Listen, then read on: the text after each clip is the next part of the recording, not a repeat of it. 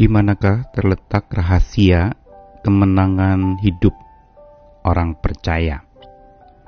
Bila seseorang ingin menang, biasanya memang yang akan dilakukan mencari berbagai macam cara, dan bukan saja cara, mereka juga akan mengumpulkan berbagai macam alat-alat dan sarana perkakas untuk perjuangan mereka dapat mengatasi segala pergumulan dan menang. Begitu pula di dalam masa krisis.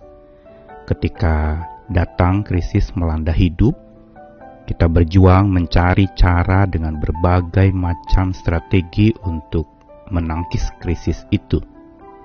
Bisa dengan berbagai macam metode atau langkah-langkah penyelesaian masalah yang ditata begitu rupa, yang dianggap dengan itu maka seseorang bisa menang mengatasi krisis hidupnya.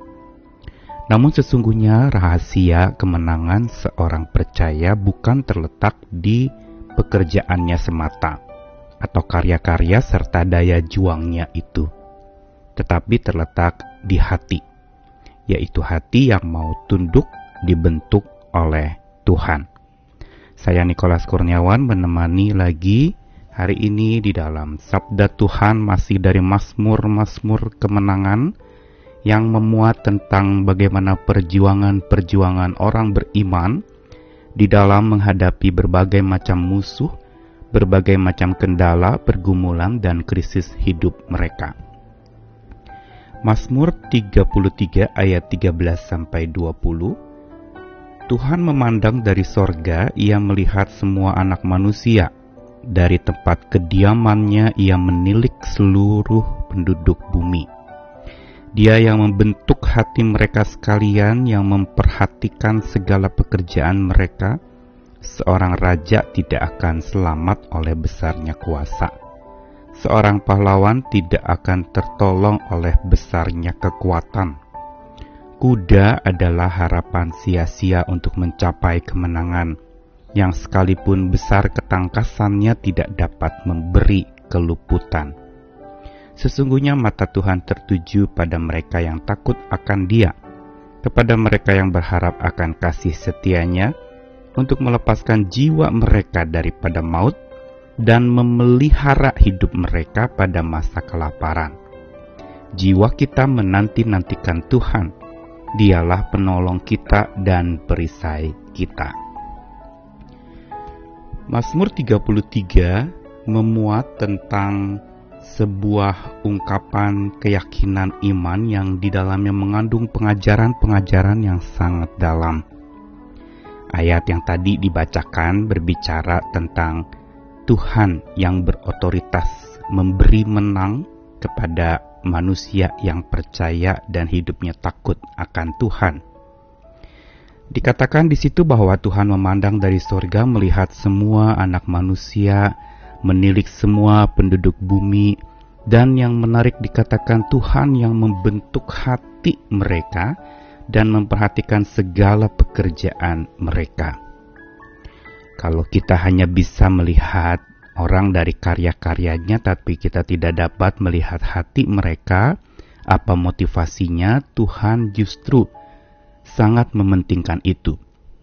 Tuhan yang membentuk hati mereka dicatatkan demikian, yang memberitahukan bahwa dialah sebenarnya yang mengaruniakan kemenangan di dalam hati manusia.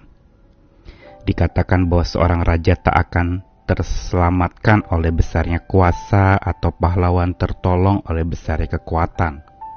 Bukankah sering kali kita pikir untuk supaya kita bisa menang kita perlu kuasa sebesar-besarnya atau kita perlu kuat sekuat-kuatnya Padahal sebenarnya kuasa dan kekuatan manusia serba terbatas.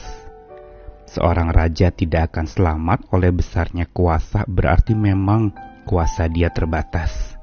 Seorang pahlawan tidak akan tertolong oleh besarnya kekuatan, berarti memang kekuatannya tidak pernah dapat menandingi kekuatan Tuhan. Tetapi Tuhan bekerja dari hati, melalui hati dan di dalam hati memberikan kepada seseorang itu jiwa yang berkemenangan. Ini yang jauh lebih penting daripada pencapaian-pencapaian kemenangan yang diidam-idamkan manusia.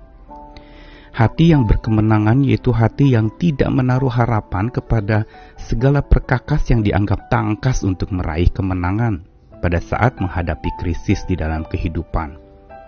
Dikatakan pula bukan di dalam ayat tadi bahwa kuda adalah harapan sia-sia untuk mencapai kemenangan.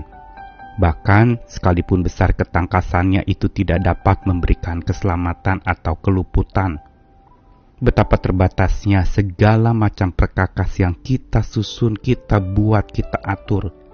Bukan tidak penting kita melakukannya atau merencanakannya, tetapi ada sesuatu yang lebih penting. Dan dikatakan lagi bahwa mata Tuhan tertuju kepada mereka yang hatinya takut akan Tuhan, yang berharap akan kasih setia Tuhan, sehingga kepada orang-orang yang seperti inilah maka Tuhan melepaskan jiwa mereka dari maut dan memelihara hidup mereka pada masa kelaparan. Janji Tuhan luar biasa. Tuhan mengatakan bahwa orang yang hatinya takut akan Tuhan yang berarti tunduk dibentuk oleh Tuhan. Hati yang ikhlas dan rela untuk dilatih dan dijadikan pribadi yang kuat, pribadi yang berkemenangan karena hatinya penuh kemenangan dan jiwanya juga jiwa yang selalu mau menyadari bahwa kemenangan asalnya daripada Tuhan dan janji Tuhan jelas yaitu jiwa mereka akan dilepaskan dari maut. Bukankah Tuhan Yesus yang sudah menang atas maut, dia bukan saja menang sendiri, tapi ia mampu melepaskan jiwa-jiwa orang percaya juga dari maut. Dan bukan itu saja sementara manusia masih hidup, pemeliharaan Tuhan pada masa kelaparan itu pun akan terjaminkan bagi mereka yang hatinya ikhlas dan tunduk dibentuk oleh Tuhan. Ini yang memberitahu kepada kita bahwa menang dalam jiwa itu jauh lebih penting dari sekedar memenangkan sebuah pertarungan yang tampak di mata orang. Menang dalam jiwa tidak pernah akan habis bila hati ikhlas dan tunduk dibentuk oleh Tuhan. Dan walaupun hidup terus dilanda oleh krisis yang tidak habis-habis, maka sesungguhnya kemenangan dalam jiwa yang dari Tuhan asalnya itu pun tidak pernah habis. Karena Tuhan yang membentuk hati. Inilah yang perlu kita imani dan amini hari-hari ini. Pada saat di mana kita ingin menang atas segala pergumulan hidup dan krisis yang melanda kita. Taruhkanlah hati kita. Hati yang ikhlas mohonkan kepada Tuhan supaya ada kerelaan untuk kita tunduk dibentuk oleh Tuhan. Walaupun ada hal-hal yang kita sulit terima dan pahami, mohonkanlah kepada Tuhan karuniakan hati yang ikhlas dan tunduk dibentuk oleh Tuhan. Ingat bahwa pembentukan Tuhan atas hati manusia itu berlangsung seumur hidup, bukan saja semata bicara soal ibadah atau agama, tetapi pembentukan hidup yang berlangsung sepanjang umur hidup kita masih dipercayakan oleh Tuhan, di situlah sebenarnya Tuhan mau membentuk kita. Lewat krisis yang ada, Dia mau kita memiliki jiwa yang berkemenangan, hati yang berkemenangan, yang itu tidak pernah akan habis karena dikaruniakan oleh Tuhan, sehingga jiwa yang berkemenangan itu akan selalu menanti-nantikan Tuhan. Dialah penolong dan perisai kita senantiasa. Mari berserahlah dan taruhkanlah hatimu dibentuk oleh Tuhan agar dengan hati yang tenang, hati yang berkemenangan oleh kuasa Tuhan dan oleh pembentukan Tuhan membuat kita dapat kuat menghadapi krisis. Karena menang dalam jiwa tidak pernah habis.